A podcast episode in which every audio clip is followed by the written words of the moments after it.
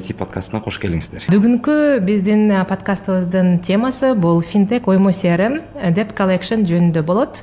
Биз сиздерге деп коллекшн жөнүндө айтып беребиз ошондой эле улан өзүнүн финтек оймо crm деп коллекшн жөнүндө айтып кетет. Эң башкысын биз терминдерден баштасак болот. Сен ушунчалык азыр көп англис терминдерди айтып атасың ошолорду түшүндүрүп кетейик э? Ооба. Эң башынан айтып кетсек бул дет деген эмне? Дет англис тилинен которгондо бул карыз деп которулат. Бирөөнүн мекемеге же жаранга болгон карызы collection бул карыздарды чогултуу процесси же иштердин комплекси. Карыз болуп кеткендер ошол кардарларга адамдарга чалып же болбосо ошондой эле смс аркылуу же болбосо имейл аркылуу жиберип же болбосо бетме бет жолугушуп ушул процессти collection деп коет. Англис тилден кыргыз тилине которгондо. Жалпак кыргыз тилинде айтканда бул төлөнбөгөн карызды кайрадан компанияга же өзүңө алып келүү. Туура туура айтасың. Андан ары айтып кеткенде collectionдын бул үч этапы болот үч этапы бул soft collection hard collection жана legal collection. Орундары бир аз алмашкан. Э, биринчиси софт анан legal кетет. И же хотя кете берет кете берет hard collection болуп кетеби экөөнүн экинчиси софт эң башында болот дайыма hard менен legal орундары алмашышы мүмкүн. Анткени legal collectionдун кандай десем бир орточо статусу бар. Баягы сотко бере электе кагаз түрүндө каттарды жөнөтүп карыз жөнүндө биз азыр сени сотко беребиз мына карызыңды төлө дегендечи ошол деле легалга кетип калат анткени юристтер компаниянын юристтери иштейт ал менен балким ошондой да болушу мүмкүн бирок улан сен өзүң билесиң мен буга чейин микрофинансылык компанияда иштегем.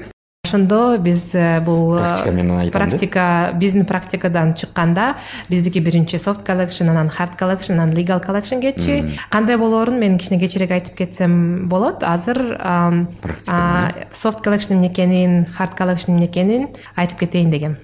Soft collection бул сотко чейинки карызды өндүрүүнүн биринчи этабы. Бул кыска кечигүү менен пайда болот банктын же коллектордук компаниянын өкүлдөрү карызды өндүрүп алуунун дистанциондук ыкмаларын колдонууга аракет кылышат. Карызкор менен телефон электрондук почта же смс билдирүүлөрү аркылуу байланышканга аракет кылынат.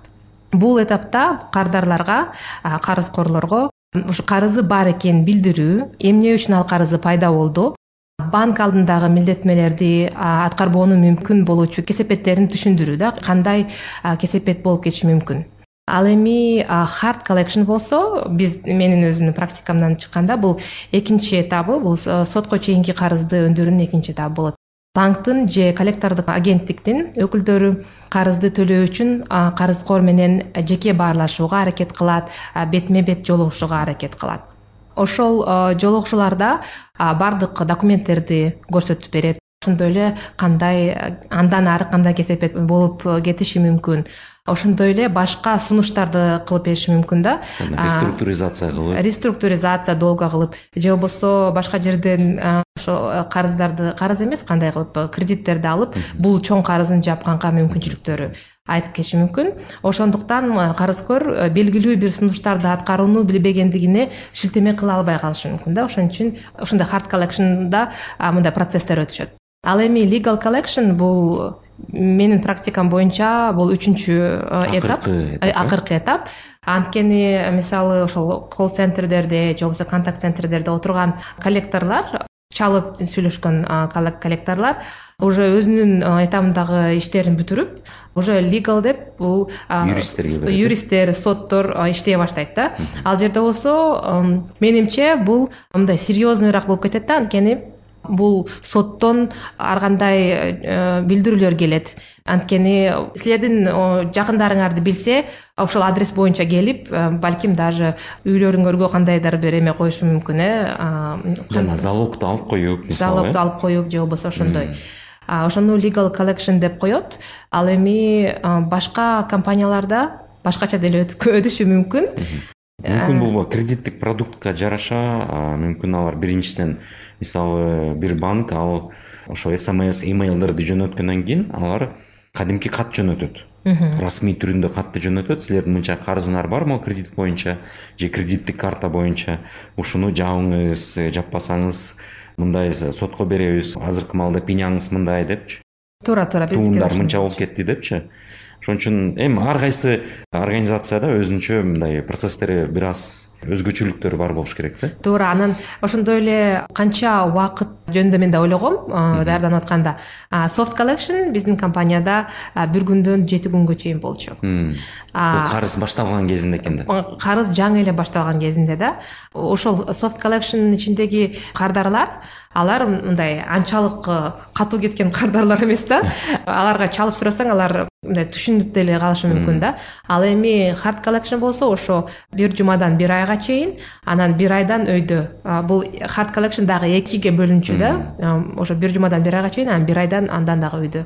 Ал уже мындай кыйыныраак кардарлар менен барган сайын ситуация күчөп баштайт экен да. күчөп баштайт ошондой эле номерлерин өчүрүшөт өчүрүшөт сим карталарды сим карталарын ыргытышет ошондо кыйыныраак болуп калат да. Ошон үчүн кел анда биз ушундай банктарда микрокредиттик компанияларда кредиттик союздарда бир чоң кандай десем бир бизнес процесс бар.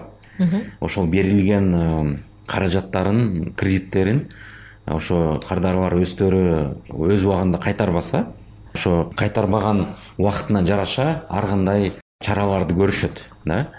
Эгерде мисалы ай сайын там онунчу санында төлөй турган болсо он биринчи күнү он экинчи күнү ошо айдын төлөмү жок болсо ошол soft collection башталып кетет. Ага кредитный специалист өзү деле чалып коюшу мүмкүн. Чалып эмне болду байке же там төлөбөйсүңөрбү эмне болуп кетти. Ал айтат ии мен унутуп коюптурмун көбүнчө ошо унутуп деле коет болуш керек. Мындай дайыма төлөп аткан адамдарчы. Кийинкиси айтат мен айлыгым ала элек мен айлыкты алгандан кийин мисалы там он бешинде төлөйм деп ушинтип карыздар пайда болуп баштаганда көп банктар же микрокредиттик компанияларда эгерде ошондой кардарлар көп болсо алардын баардыгын э, кредиттик специалисттер э, өзү иштеп чыга албайт анын баардыгынчы убакыт жетпейт. Мен көп тааныштар менен сүйлөшөм банкта иштеген же микрокредитка.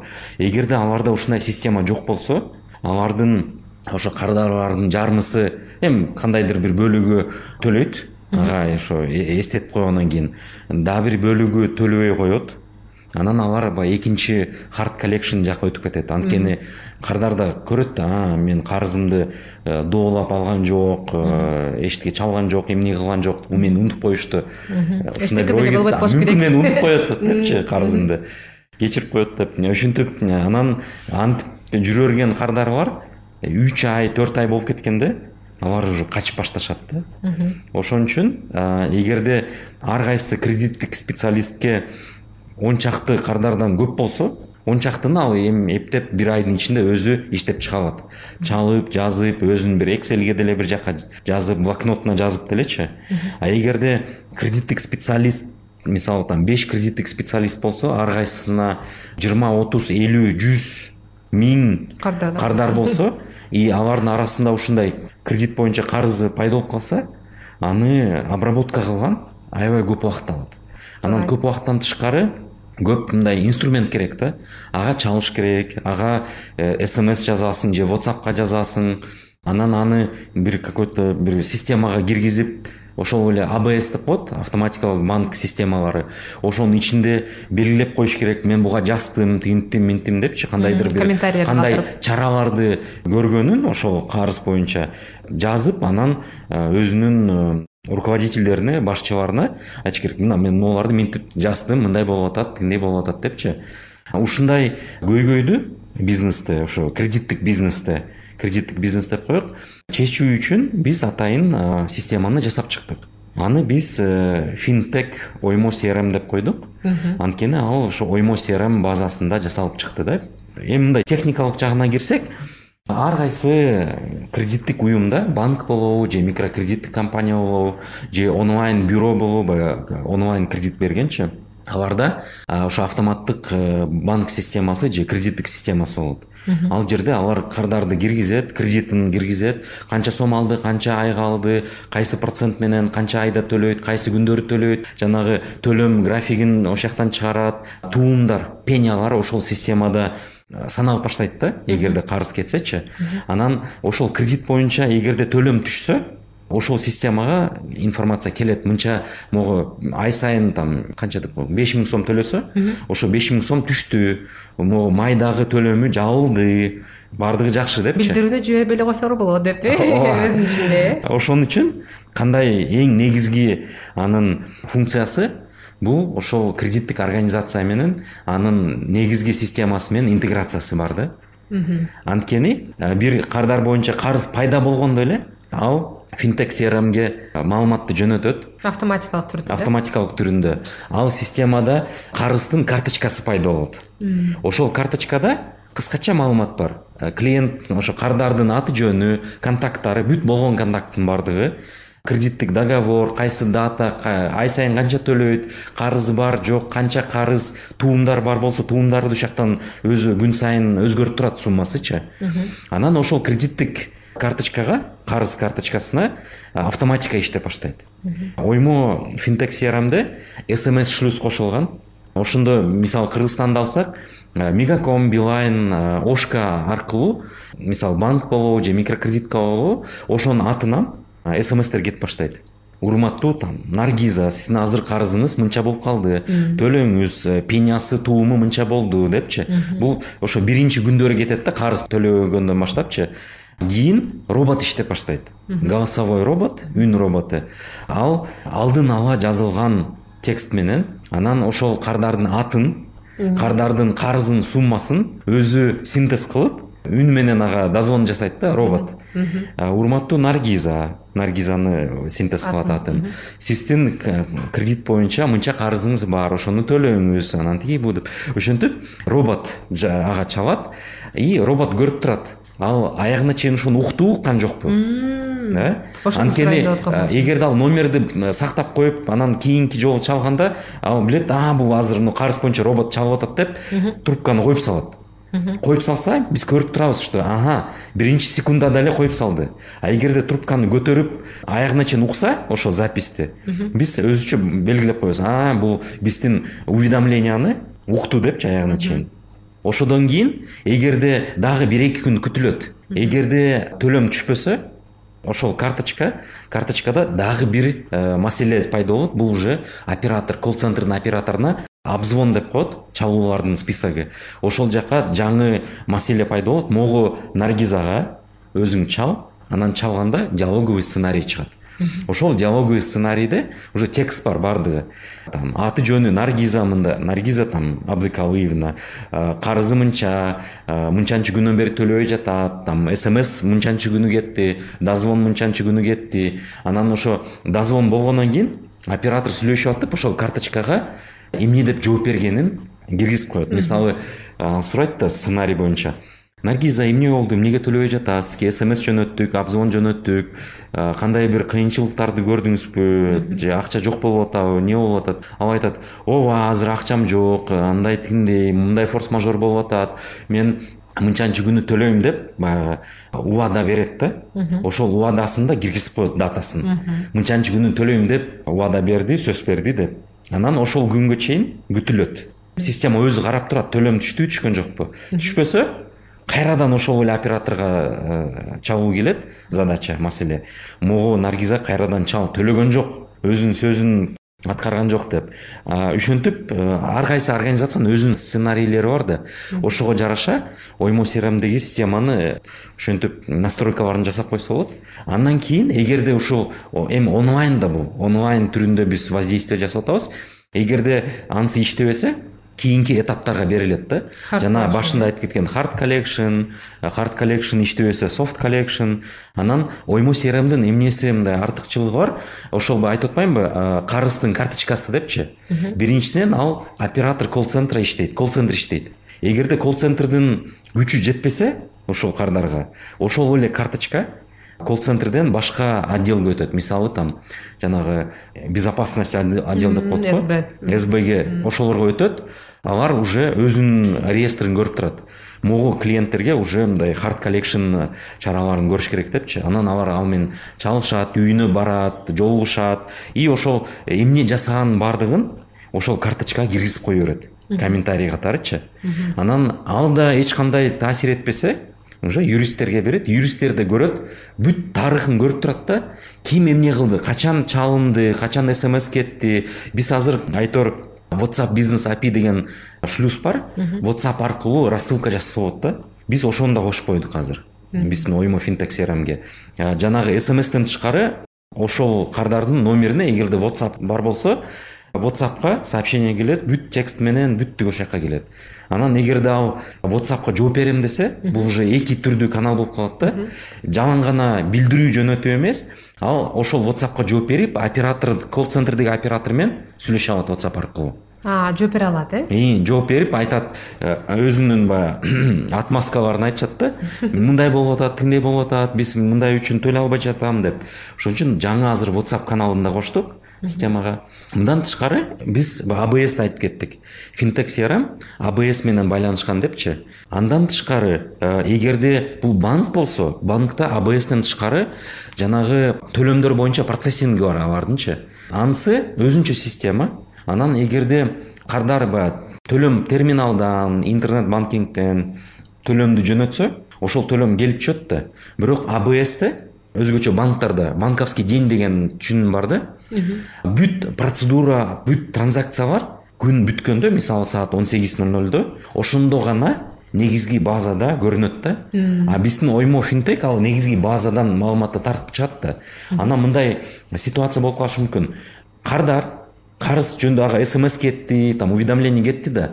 Анан кой төлөйүн деп эртең менен жумушка кетип баратып терминалдан төлөп койду бирок абске ал келип түшө элек анткени ал саат он сегизден кийин келип түшөт.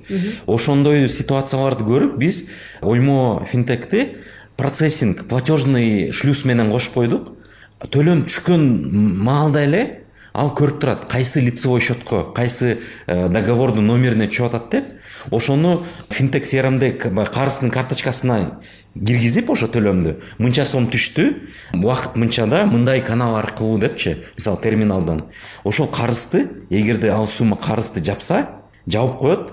Анан ага кийинки смс емейл телефон аркылуу билдирүү кетпейт да. Анан мындай болуп калышы мүмкүн. Эгерде муну жасабасаңчы кардар төлөдү системаныкы бүгүнкү автоматтык түрдө робот өзү пландаштыра берет да. Саат он бирде ал ага жанагы голосовой робот кетет ага. Анан ага жазып баштайт айтып баштайт. Урматтуу наргиза карызыңызды төлөңүз анан ал атаңызга мен төлөбөдүм эртең менен эмне мага кайрадан жазып атасыңар ушинтип убактында алып атасыңар деп мындай неудобный ситуация болуп калышы мүмкүн да ошон үчүн биз абстен тышкары башка төлөмдү ошол замат келген убакытта эле башка системада болсо деле биз аны көрүп карызын жабып коебуз. А эгерде карыз мисалы карызы ай сайын төлөй турганы беш миң сом болсо анан туум менен беш миң эки жүз сом болсо ал беш миң сом төлөсө эки жүз сом калды да. Анда системаны ушундай настройка кылып койсо болот ал уже беш миң сомду айтып жазбайт ал жазганда же баягы билдирүү кетиргенде ал айтат сенин карызың эки жүз сом ушуну төлөп койчу деп система өзү санап коет да. Ага беш миң сом түштү бирок карызы дагы эле жабыла элек депчи ошон үчүн система өзү ошону көрүп туруп ага эки жүз сом калды биз анда билдирүүдө эки жүз сом жөнүндө эле сүйлөшөбүз деп. Оператор деле эгерде ал чалса көрүп турат ага бунун карызы мынча калды деп. Эгерде беш миң үч жүз сом э, төлөп койсо жүз сом переплата ал жүз сому э, кийинки төлөмдү жабат а бунусу калып калат ошон үчүн бизде эме мындай болушунча ушундай неудобный ситуациялар болбош үчүн ушундай функцияларды биз карап чыкканбыз да жакшы экен. Жанагы смс билдирүүлөрдү же эмейл билдирүүлөрдү жибергенге э, биринчи жана экинчи смстердин аралыгы канча болот да? Ошо бул ушу кардардын биздин заказчиктин өзүнүн айтканы боюнча. Эгерде положениясы бар да карыз пайда болгондо биринчи смс кетет анан төлөнбөсө бир күндөн кийин кайрадан дагы бир смс кетет анан там автообзвон кетет ушинтип эгерде бизге техзадание берет да ошого жараша биз аны настройкасын жасап беребиз анткени менин практикамда да болгон нерсе кээ бирде ошол смс э, билдирүүлөрдү жибергенде тез тез келип калып тез тез жиберилип калып анан кийин ошо кардарлар аябай жаман көрүп э, жини келишет да эмнеге келип кайра бизге чалып спам кылып атасыңар деп спам кылып атасыңар мен ошондой ушундай э, пример болгондо мен уже төлөп койгом кайра эле мага ошо смс билдирүүлөр келип атат. Эмнеге жибересиңер деп мага неудобняк деп коет да буну? Да? Да да. Ушул. Анан э, негизи оймо финтек crm биз муну жалаң гана ошо карыз жагынан эмес. Анткени бул crm болгондон кийин эгерде банк же микрокредитка өзү э, кардарларды тартып келет да ошо кредитти бергенгечи проблемасы көп э? Кредитти берип алып карыздарды жабат анан э, кредитти берем деп клиенттерди тартып келиш керек болот. Crmде ошо кредит алам дегендер менен иштей турган модуль да бар. Аны биз бир банкта иштеттик ошол клиенттер crmге келип түшөт анан обзвонго кетет анан оператор сурайт. Сиз канча кредит алгыңыз келет мынча аласызбы канча айга кандай максаттарга аласыңар депчи. Эгерде ошонун баары окей болсо ошол crm маалыматтын баардыгын кайрадан абске жөнөтөт. Могу кардар аты жөнү паспортный данныйлары мындай мындай. Могу кредитти алат мындай срокко и ал ошо абстен уже кредиттик договорду чыгарып баягы кредиттин акчасын клиентке бере алат да. Кандайча онлайнбы же болбосо онлайн. А онлайн берип калдыбы. Бул кыргызстанда мурун мкк болгон микрокредитка болгон бир банкка жасап бергенбиз да. Алар азыр банк түрүндө иштейт. Бирок кардарларына ушинтет да эгерде келсе оператор онлайн баардыгын санап чыгып текшерип баягы баланс активтерин баарын көрүп ошондон кийин кайрадан кредитный специалистке жөнөтөт могуга мынча кредитти бер деп ошо биздин системада оймо финтек crmде анткени буга чейин мындай практика көргөн эмес болчумун биздикилер фейс сразу эле абске киргизип киргизилип заявка кылып. заявка кылып анан баары бир офиске барыш керек болчу да? Онлайн берүү бул аябай азыр тенденция ошо цифровизация жагында ошол тарапка кетип атат да көп э, кредиттик уюмдардачы. Анткени кардар бир банкка барат экинчиге барат үчүнчүгө барат убакыт көп кетет да. Анан онлайн эле берип коюп бүттүгүн текшере турганды текшерип анан эгерде албай фильтрларын өтсө анан ошондо гана чакырат анычы. Кел документтерди бүттүгүн кол коесуң анан сен заявкаңды кабыл алабыз депчи. Анда офиске барып кол коюш керек турбайбы э онлайн эмес?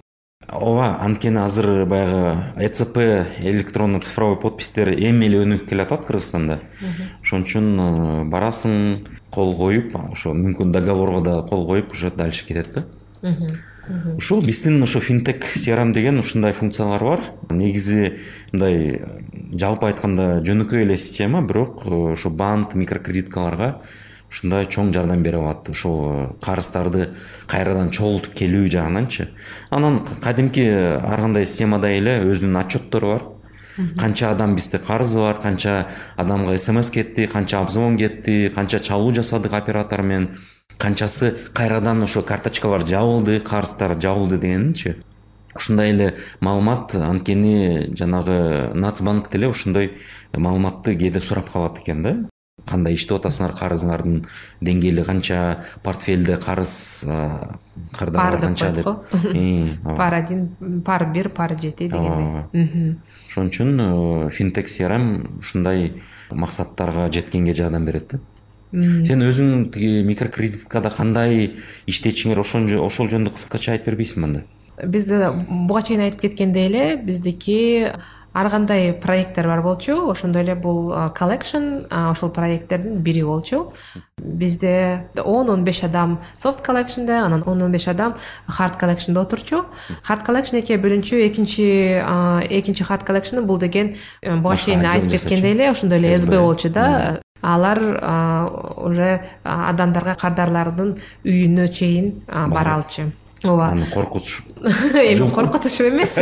Баары бир э, бизде ар кандай закондор бар да ошол закондорду билишибиз керек. мыйзамдын чегинде? Э мыйзамдын чегинде. Анда баягы паяльниктерди утюгтарды колдонушпайт алар э. Ал токсонунчу жылдары колдончу окшойт э. Балким биздин мүмкүн мүмкүн дейсизби мүмкүн мүмкүн эми софт коллекшнде биз э, сен айтып кеткендей эле өзүбүздүн мындай скрипттерибиз бар болчу жазылган э кандай сөздөрдү айтса болот кандай сөздөрдү айтса болбойт. Эң ошол скрипт боюнча биздин агенттер сүйлөшүш керек болчу да. Бирок эгерде башкача суроолор берилип калса анда албетте башкача э, скрипттен э, тышкары чыгып кетиши мүмкүн да. да туура айтасың. Ситуацияга жараша кетчи ошондой эле эме жөнүндө айтып кетишим мүмкүн зарплаталар жөнүндө. Софт коллекшнде кичине азыраак болчу анткени ал ал жерде оңоюраак иштегенге. Ал эми хард коллекшнде болсо иштеген абдан мындай стресс стресс менен да стресс аласың аябай кыйын. Мен көргөм ошо силердин бир кызыңар ошо хард коллекшнде негизи мындай ошо кызды карасаң компьютердин алдында отурат жашынакай мындай сүйкүмдүү кыз да анан ошо сценарий обзвон башталса эле саламатсызбы там үнүндө темир угулат да. Баягы железный голос менен анан сүйлөшүп тиги абонент өзү бир аз мындай зыр зыр этип угат болуш керек. Анткени аябай мындай тональность ушундай катуу да.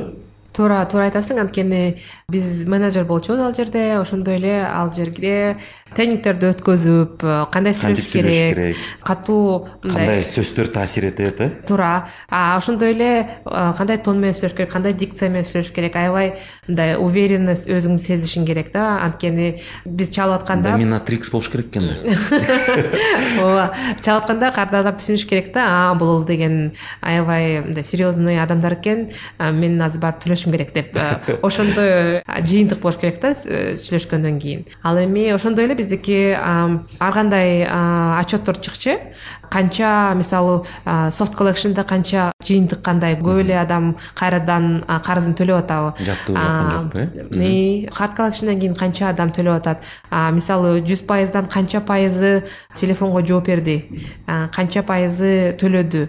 Ошондой эле бир айдын ичиндеби же эки жуманын ичинде эгерде төлөбөсө бирок телефонго чалганда чалуу кетип бирок төлөбөй калса анда ал экинчи хард коллекшнге кетишчи. Ал жерде уже сблр башкача сүйлөшөт башкача сүйлөшөт ошол жерге чалчу да. Андан тышкары дагы эмне жөнүндө айтып кетсем болот?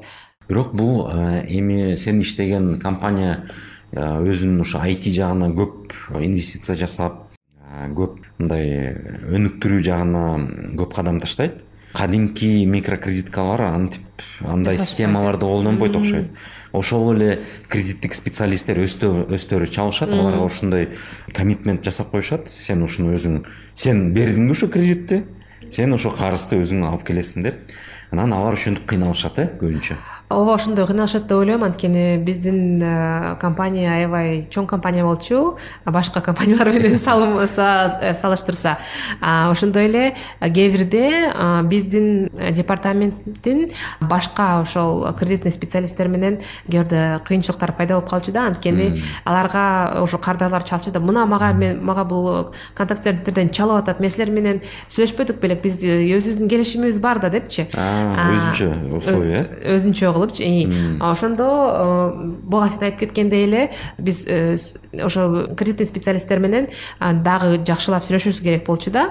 Анткени эгерде силер ошо биздин кардарлар менен сүйлөшсөңөр анан кийин кандайдыр бир кардарлар силерге убада берсе ал комментарий комментарийлерди сөзсүз киргизип койгула ошол база данныйга ошондой эле жана crm системага.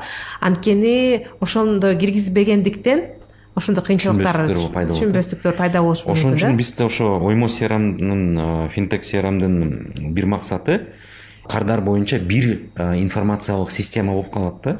Анткени абске анын баарын киргизе бербейсиң андай маалыматтычы а эгерде финтек crmге ошо кардарды ачсаң ичине комментарий катарында же кандайдыр бир записьтерди киргизип анан оператор ошол кардар менен иштердин алдында бүттүгүн ошо тарыхын карап чыгат да.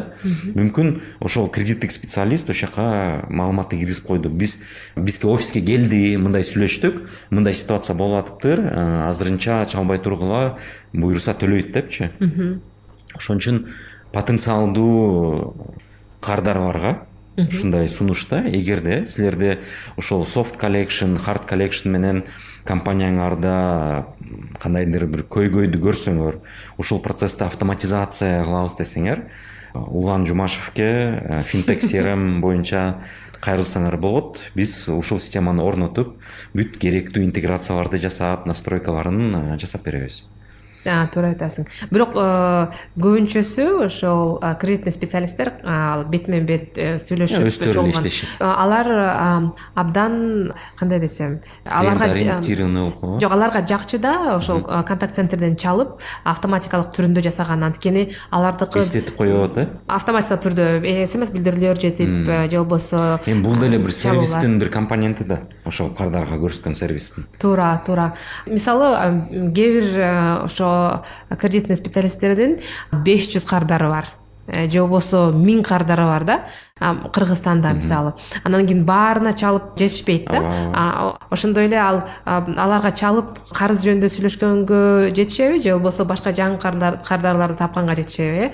Ошон үчүн анткени алардыкы өзүнүн мотивациялары бар да жаңы кардарларды э, табып жаңы кредит берүү боюнча. Туурабы? Ошондуктан көбүнчөсү сексен беш пайыздай. Алар ушул кандай контакт центр кандай иштеп атканына аябай ошо банктын же микрокредитканын имиджі жақсы болады екен да егер де колл центр шалып маалыматты беріп тұрса там айтып тұрса оны ұмытпаңыз төлеңіз деп туура туура мен деле мага мисалы тиш жасаткан жерге барганда стоматологияга барганда бир күн калганда чалып турушат да. э? Там саламатсызбы эртең э, сиз бизге келесиз. Значит аларда crm системасы бар. Э, да балким ошолордо дагы crm системасы бар. Бирок алар өзүлөрү чалат да. Мындай алар түшүнүшөт да что сервис деген жакшы. Эгерде сен келбей койсоң мүмкүн сен да бир жумадан кийин келесиң. Ал келгениң ал бир жумадан кийин акча алып келесиң да ошон үчүн. Туура анткени мен келбей койсом ал адистин бир сааты жөн эле кетип калат. Туурабы башка уже жаза албайт жаза албайт анткени бир күн калганда э. Ошон үчүн аябай туура деп эсептейм. Ошол бизнестер ушундай эгерде crm системаны койсо же болбосо ушундай билбейм crm системасы жокпу бирок эгерде кандайдыр бир система э системасы бар да туура айтасың балким бул excel балким бул жөн эле дептерге жазып койгон туурабы бирок ошол ошол жөнүндө ойлонуш керек ал эми crm системалар болсо компания чоңойгондо ал кыйыныраак болуп калат да анын баарын кантип менеджер эткенгечи микро менеджмент болуп калат микро менеджмент болуп калат кичинекей нерселердин баарын караганга хорошо рахмат анда биз маегибизди бүтүрөлү жакшы маек болду. Анткени кыргыз тилинде софт коллекшн жөнүндө кимдер сүйлөшөт бизден башка билбейм аны. Анткени өзү процессте мындай татаал анан жанагы жаман гана ошо финансы жагындагы эле эксперттер сүйлөшпөсө.